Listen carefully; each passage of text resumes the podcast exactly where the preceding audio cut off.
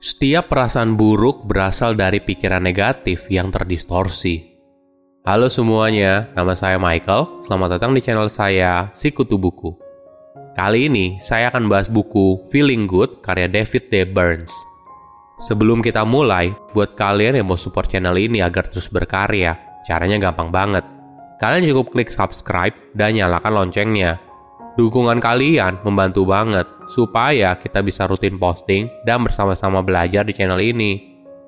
Buku ini membahas soal cara secara ilmiah mampu membantu kamu merasa lebih baik dan mempunyai pandangan yang lebih positif terhadap hidup yang kamu jalani.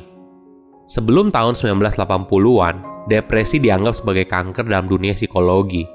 Depresi menjangkit banyak orang tapi sulit diobati Ditambah lagi, banyak hal tabu untuk bicara soal depresi yang membuat hal tersebut semakin sulit untuk diobati. Beruntungnya, ketika zaman semakin maju, kesadaran soal kesehatan mental semakin baik. Kita semakin sadar kalau banyak dari kita mungkin pernah mengalami kecemasan, pesimis, rendahnya percaya diri, dan gejala lain dari depresi mulai dari ringan hingga berat. Namun di zaman dulu ceritanya jauh berbeda. Dalam sejarah psikiatri, depresi selalu dipandang sebagai gangguan emosional. Dampaknya, banyak terapi menggunakan antidepresan sebagai bagian dari pengobatannya. Dr. Burns mengambil pendekatan yang berbeda. Dia mengembangkan teknik untuk mengobati berbagai hal tersebut tanpa bantuan obat. Saya merangkumnya menjadi tiga hal penting dari buku ini. Satu, Bagaimana distorsi negatif muncul? Semua keadaan emosional atau mood kita dipengaruhi dari kognisi atau dengan kata lain pikiran. Jadi, depresi itu berasal dari pikiran kita yang dinominasi oleh pikiran negatif. Sederhananya, pikiran yang membentuk emosi. Oleh karena itu, emosi yang kamu rasakan tidak bisa membuktikan kalau pemikiran kamu itu benar. Perasaan yang tidak menyenangkan hanya berarti kamu sedang berpikir dalam keadaan negatif dan mempercayainya.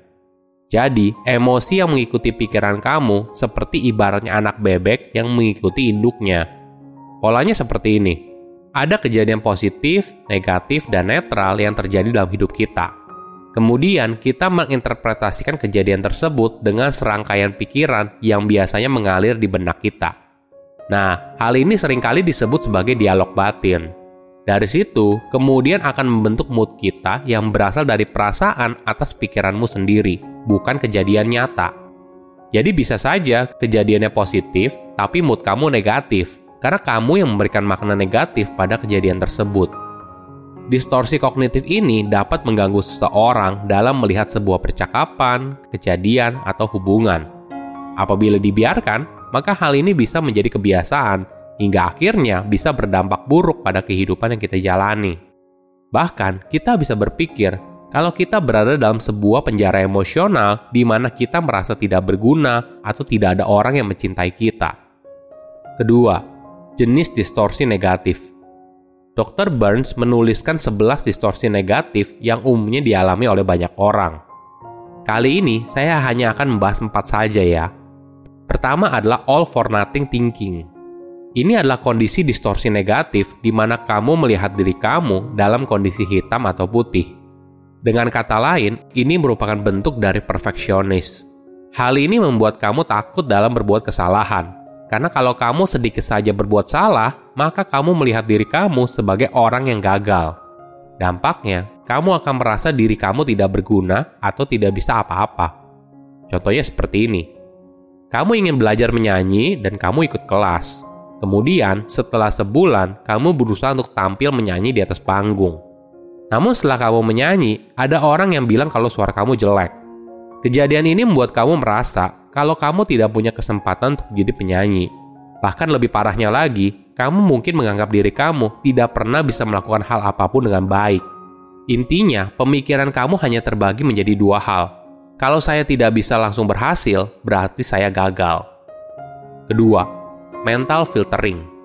Ini adalah kondisi distorsi negatif di mana kamu mengambil satu kejadian kecil negatif dan memikirkannya terus-menerus, sehingga menganggap situasi yang kamu hadapi merupakan hal yang negatif.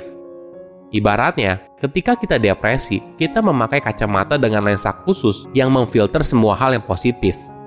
Semua yang masuk ke pikiran kita hanyalah negatif saja. Padahal, tanpa kita sadari, kita telah memfilter semua hal baik dan fokus pada hal kecil yang buruk. Contohnya seperti ini. Kamu baru menerima hasil ujian dan mendapat nilai 80. Bukannya senang, kamu malah merasa ini nilai yang jelek karena ada dua pertanyaan yang salah. Lebih buruknya lagi, kamu merasa nilai semester kamu akan jadi jelek karena kamu mendapat nilai 80 di satu ujian. Ketiga, overgeneralization. Ini adalah kondisi distorsi negatif di mana kamu merasa satu kejadian buruk yang terjadi, maka hal yang sama pasti akan terjadi juga di masa depan berkali-kali. Ibaratnya, kamu melihat satu kejadian buruk sebagai rangkaian kegiatan yang tidak pernah berhenti. Seringkali orang tersebut bilang, "Hidup saya selalu sial, tidak ada hal baik dalam hidup saya." Pemikiran ini tentu saja tidak tepat dan berbahaya. Keempat, disqualifying the positive. Ini adalah kondisi distorsi negatif di mana kamu mengubah pengalaman netral atau bahkan positif menjadi pengalaman negatif. Ini adalah salah satu bentuk distorsi kognitif yang paling merusak. Kamu menolak pengalaman positif dan tetap bersikeras kalau pengalaman tersebut tidak bisa dihitung. Dengan cara ini, kamu akan bisa membenarkan keyakinan kamu yang negatif soal kejadian tersebut. Contohnya seperti ini. Kamu lulus ujian dengan nilai yang memuaskan. Bukannya senang, kamu malah berpikir, saya bisa lulus ujian dengan nilai bagus karena soal ujiannya yang gampang. Ini adalah distorsi pikiran. Kamu tidak menghitung usaha yang kamu lakukan hingga akhirnya kamu bisa mendapatkan nilai bagus. Kamu malah berpikir kalau nilai bagus itu semata hanya karena soal ujian yang gampang. Ketiga, tips menghadapi pikiran negatif. Jika kita sudah tahu kalau pikiran negatif yang muncul merupakan bagian dari distorsi kognitif, apa yang bisa kita lakukan? Ada beberapa tips yang bisa kamu praktekkan. Pertama, bicara balik pada kritik internal. Ketika muncul suara dalam diri yang mengkritik, kamu harus belajar untuk menyadarinya dan menuliskan suara apa yang muncul. Nah, setelah ditulis, kamu bisa mulai menganalisa apa yang membuat pikiran distorsi ini muncul. Terakhir, kamu harus belajar untuk bicara balik pada suara tersebut dengan kalimat yang lebih realistis. Prakteknya, kamu bisa menggunakan triple column teknik Ketika muncul pikiran negatif, tanya ke dirimu, pikiran apa yang muncul di benak saya sekarang? Kalau sudah, tuliskan pikiran tersebut ke dalam kotak automatic thought.